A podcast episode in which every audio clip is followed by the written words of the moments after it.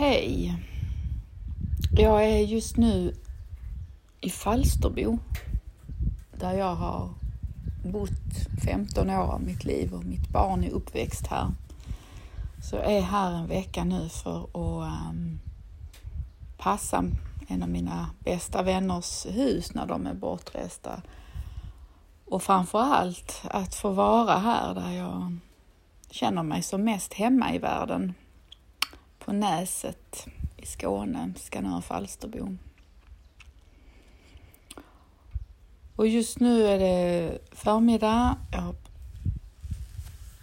jag har haft en, ja, en morgon som jag inte hade tänkt mig.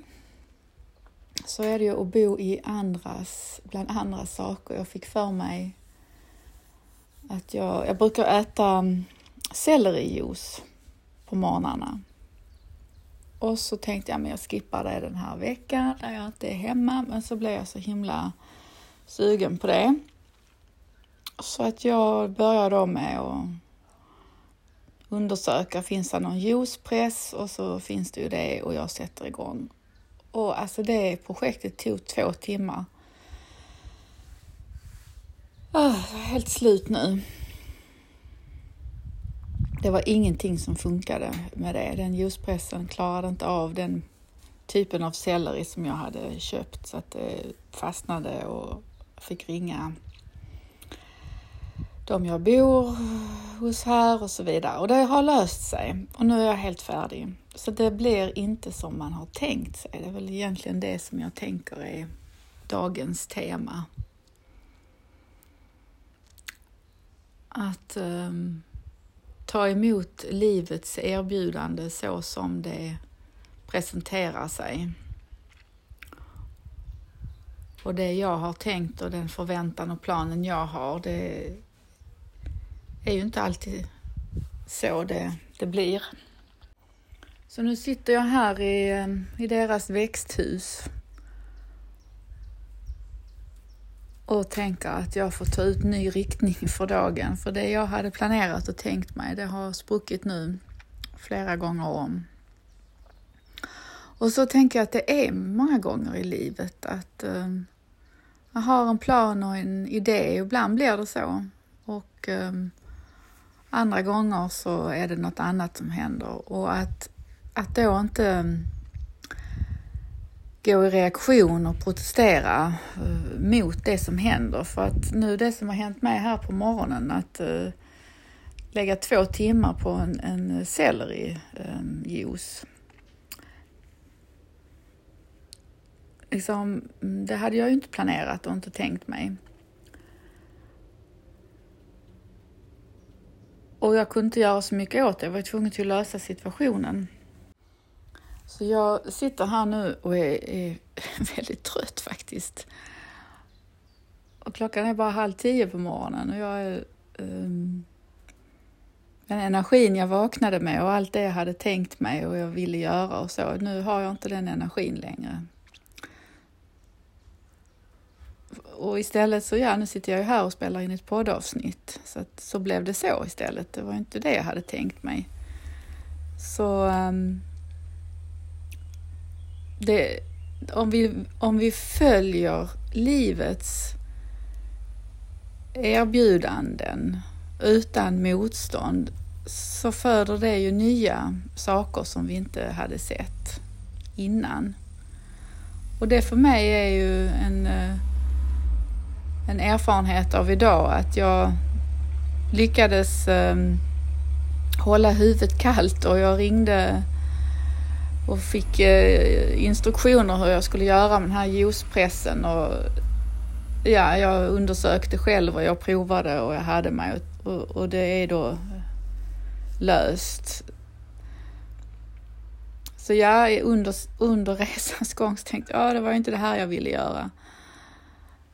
Så visst fanns det ett motstånd, men jag blev inte förbannad som jag hade kunnat bli förr i världen. Ehm, så resultatet är att jag nu eh, inte har den energin som jag hade innan och jag har inte längre lust att göra det som jag hade tänkt mig. Utan jag sitter här nu och vilar mig. Och det är jätteskönt här, eh, soligt och varmt. Och jag spelar in det här eh, poddavsnittet nu. Och så blev det ett tema, att ta emot livet så som det presenterar sig och följa med och lösa det efterhand. Och det tänker jag är en, en av livets eh, enorma eh, vad heter det, visdomar. Att inte göra motstånd mot det som pågår och det som händer utan följa med i det och, och ta ut ny riktning hela tiden. Att okej, okay, nu har det här hänt, då går vi vidare härifrån. Det är när vi lägger en massa energi på att göra motstånd mot det som händer, att vi inte vill att det ska vara så. Vi, vi vill inte känna det vi känner, vi vill inte ofta vara i de situationer som uppstår och vi lägger massor med tankar och, och känslokraft att protestera mot det som faktiskt redan har hänt. Det är bara total eh, slöseri med vår egen energi.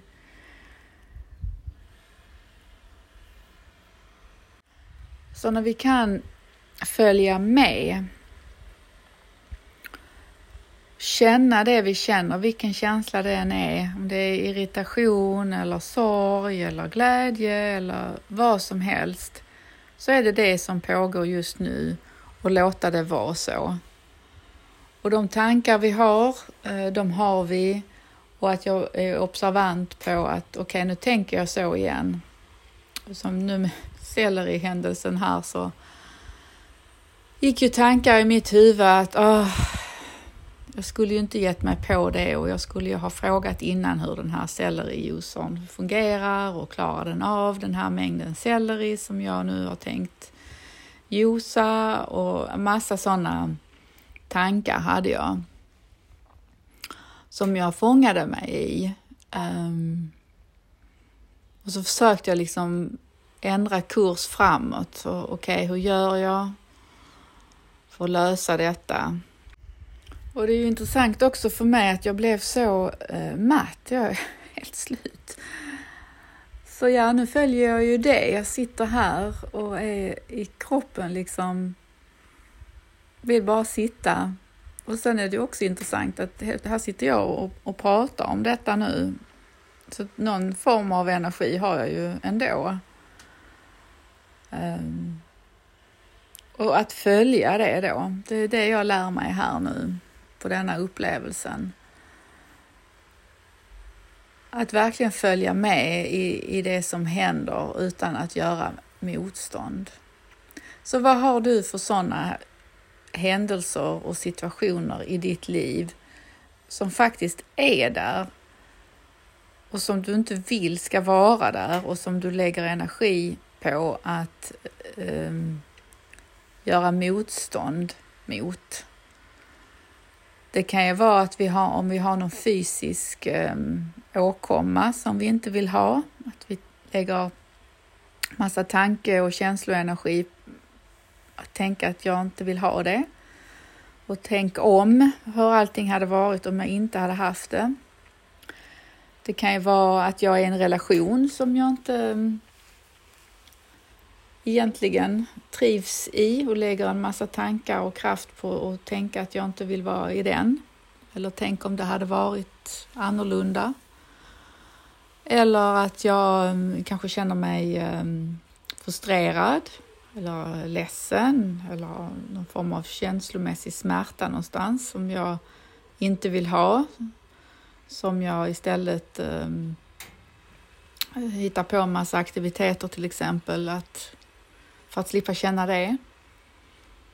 Eller att jag mm, har hamnat i ett sällskap mm, just nu som jag inte trivs i och eh, är irriterad på varenda kotte runt mig, till exempel.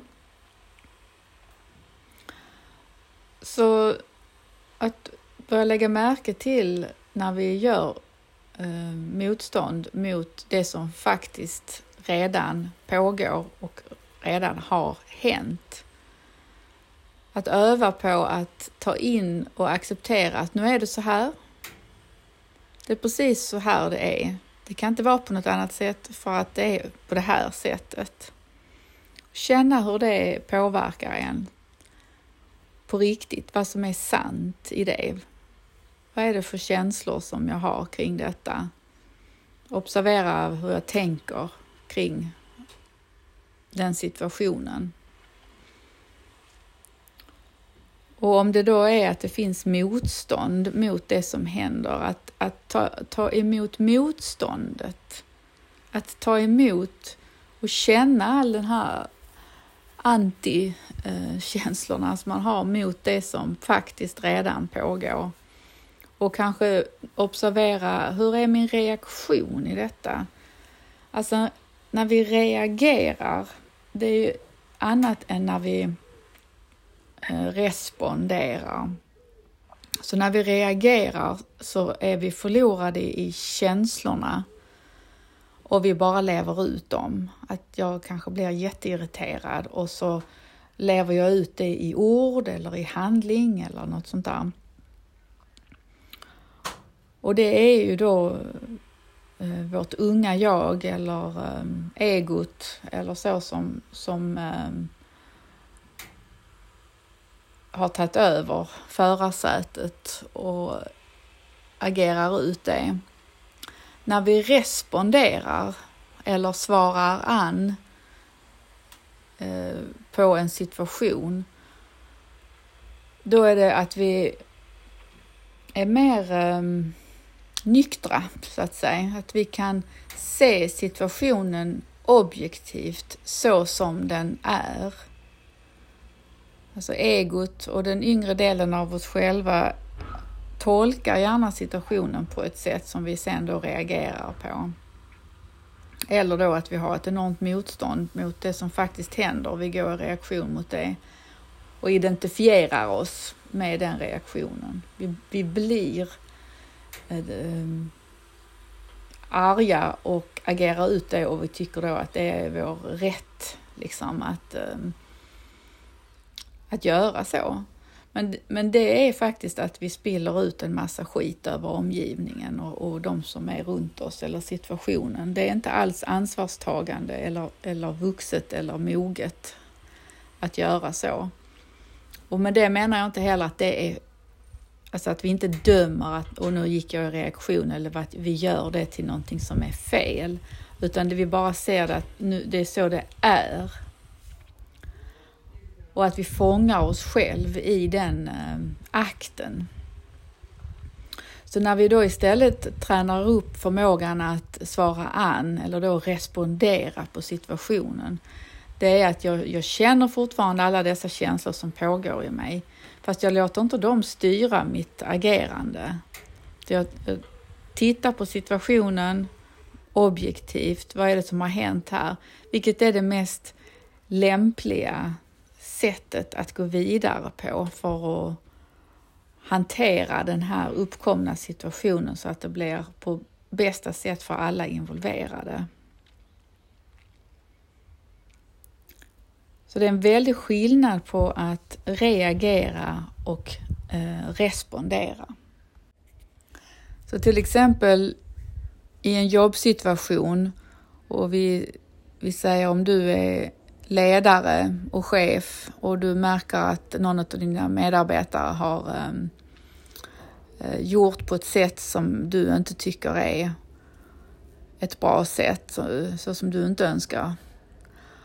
Och om du då eh, går i reaktion så kanske du skäller på personen i fråga, du kanske lägger till ord som inte är riktigt relevanta för den uppkomna situationen. Eh, du vevar liksom igång för att du då inte kan härbärgera din egen reaktion på den uppkomna situationen. Och det som då kan hända är att medarbetaren som får ta emot allt det här från dig eh, tycker ju då att, att det är obehagligt förmodligen, kanske låser sig, kanske blir rädd för dig. Och kanske då hamnar i sitt lilla jag så att vederbörande inte kan Eh, fungerar optimalt eh, längre, går i försvar kanske, eller börjar skälla tillbaka kan det också vara. Ehm, som ju också är någon slags försvar. Och att framförallt som ledare, eller det spelar egentligen ingen roll, det är vem som helst. Alltså när vi bara låter de här reaktionerna flöda i vårt liv, alltså vi ställer till det. Det är som att slänga ut en massa skit runt om oss, massa sopor. Och när det händer, så att vi stoppar oss eller fångar upp oss eller att vi ser det i, i backspegeln och att vi tar fram städutrustningen städar upp efter oss, tar kontakt med den här personen som fick skopan av oss och säger att eh, ja, jag gick i reaktion och jag önskar att jag hade gjort så här istället. Och att man pratar om det som har hänt så att inte relationen tar skada. För varje gång som vi har vräkt ur oss någonting utifrån en reaktiv plats så, så påverkar det relationen på ett negativt sätt. Så om man är i den situationen att eh, jag är ledare och chef och en medarbetare har gjort någonting som jag då inte eh, tycker var det bästa sättet. Så, så kan jag ju känna då min frustration kanske och irritation över att det här har hänt. Men att jag kan öva upp förmågan att härbärgera de känslorna så att jag kan uttrycka mig konstruktivt detta har hänt och att jag börjar med att fråga den andra så att jag får ta in den andres perspektiv. Hur kommer det sig att det här har hänt? Vad ligger bakom att det blev så här? Och att du då säger hur det är för dig och att ni kan ha en dialog om det på ett vuxet och moget sätt och att tillsammans hitta en eh, optimal väg framåt så att man involverar de inblandade i det hela. Det gör sån skillnad och det skapar ett helt annat klimat i organisationen. Och det är samma mot våra barn, mot våra vänner, mot vår partner, mot våra föräldrar och så vidare, grannar.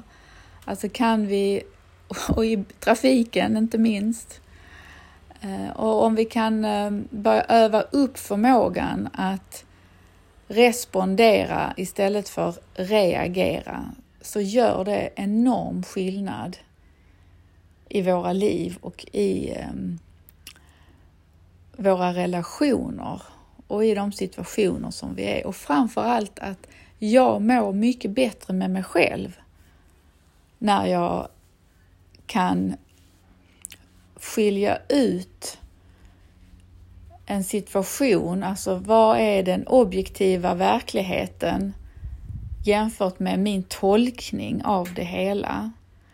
När jag kan tillåta mig att känna alla de känslor som jag har runt denna objektiva situation. Om jag eh, tror på att min tolkning av det hela är sanningen så kommer det skapa en annan form av känslor som jag då tror är sant. Det skapar tankar kring det hela som jag tror på. Och jag liksom kommer köra fel i, framåt, liksom jag tar fel väg. Men om jag kan urskilja den objektiva verkligheten så blir jag också mer eh, trovärdig. Alltså folk, människor kommer att lita på mig på ett annat sätt. Och om jag då kan uttrycka mina känslor kring detta utan att vara i reaktion utan bara som att dela med mig hur jag känner kring det här så uppfattas jag som mänsklig. Folk kan relatera till mig. Alltså, det är här empati och medkänsla kommer in, att jag, jag är sann med hur jag upplever detta. Och om jag då kan uttrycka mina eh, behov kring situationen, att jag känner så här för att jag behöver klarhet, jag behöver riktning, jag behöver förståelse och så vidare kring vad som har hänt. Och om jag sen då kan uttrycka en riktning framåt, alltså ett förslag på, på vägar framåt, då hanterar vi situationer mer konstruktivt och vi svarar an på det som har hänt än att vi då blir triggade, vi hamnar i en reaktion och så börjar vi skälla eller vi kan bli passiva, passiv, eh, passive aggressive, att vi går eh, undan och, och, och, är arga i det tysta, vi uttrycker oss inte eller vi kanske blir rädda, vi vågar inte kliva fram och ta tag i situationen utan vi försöker liksom skyla över det som har hänt. Men för att, att respondera och kliva in i situationen och ta tag i det, då, det behöver vi också träna upp den förmågan. Och det, det behövs en viss um, eh, Eh, mogenhet, självinsikt och självkännedom och att vi kan härbärgera de känslor som uppstår i oss. Och om vi har hamnat i vårt lilla barn, vårt yngre jag, när vi eh, från att ha varit eh, 50 år gamla helt plötsligt blir tre år känslomässigt i rummet. Alltså det är en väldigt obehaglig plats att, eh, att vara på när man ska, tycker jag i alla fall, eh, när man ska eh, agera i världen i ett professionellt sammanhang till exempel. Om jag har blivit triggad på ett sätt så att jag känner mig eh, alltså verkligen kliver ner i mina gamla oläkta sår, att jag känner mig ledsen och ensam och ingen förstår mig och ingen ser mig och övergiven och jag upplever det som att jag inte platsar här och jag har inte mm, det som krävs och så vidare. och jag känner en massa skam kanske och att då fortfarande kunna agera i mötet eller i samtalet eh, är inte lätt, tycker jag. När man har blivit triggad i de här gamla oläkta såren. Så att, att arbeta med sig själv och läka de gamla såren är ju oerhört eh, värdefullt i sin professionella utövning så att jag inte behöver hamna på de ställena så ofta längre. Och även i våra relationer såklart, privata. Ehm, det gör att vi kan ha ett mer vuxet och moget eh, klimat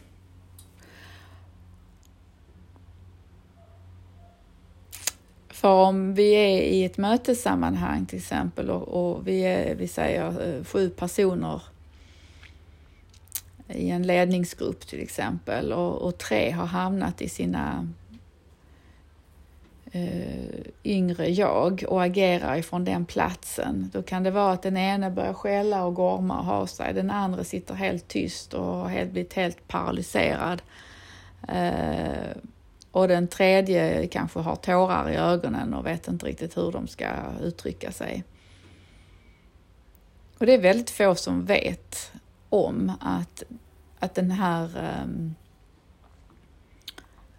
att det är så vi fungerar, vi människor, alla fungerar så. Att lära sig och förstå att okej, okay, nu har jag hamnat i mitt lilla jag. Nu är det så. Uh, och att um, ja, ta emot sig själv. Precis så. Och få verktyg till att eh, ta hand om sig där och hur ska jag ta hand om situationen jag har hamnat i? Och eh, ibland, ett, ett sätt är att man, man får ta en paus, time out och gå undan ta hand om sig själv en stund för, för att liksom komma i balans igen. Och beroende på hur hårt du har blivit triggad så tar det olika lång tid. Är det en lätt trigger så kanske det liksom försvinner eh, Alltså det tillståndet löses upp och transformeras ganska så snabbt. Eh, är det en djupare trigger så tar det längre tid och då behöver de flesta vara en stund med sig själva och landa i det som har hänt och också ju mer kunskap och förståelse man har kring sin egen trigger och att man förstår vad det är som har hänt går det ju fortare och fortare att transformera den känslan så att jag kan börja fungera igen. För när jag har hamnat i mitt lilla barn så fungerar jag liksom inte. Alltså jag fungerar som en treåring helt enkelt. Ehm, jag fungerar inte som en 50-åring, om det nu är 50 år jag är. Ehm, och det är som sagt, det är inte många som har lärt sig att förstå att det är detta som händer, utan kanske börjar skälla på sig själv och jag borde inte ha reagerat så och jag borde inte göra, reagera så här som jag gör nu och skärp mig.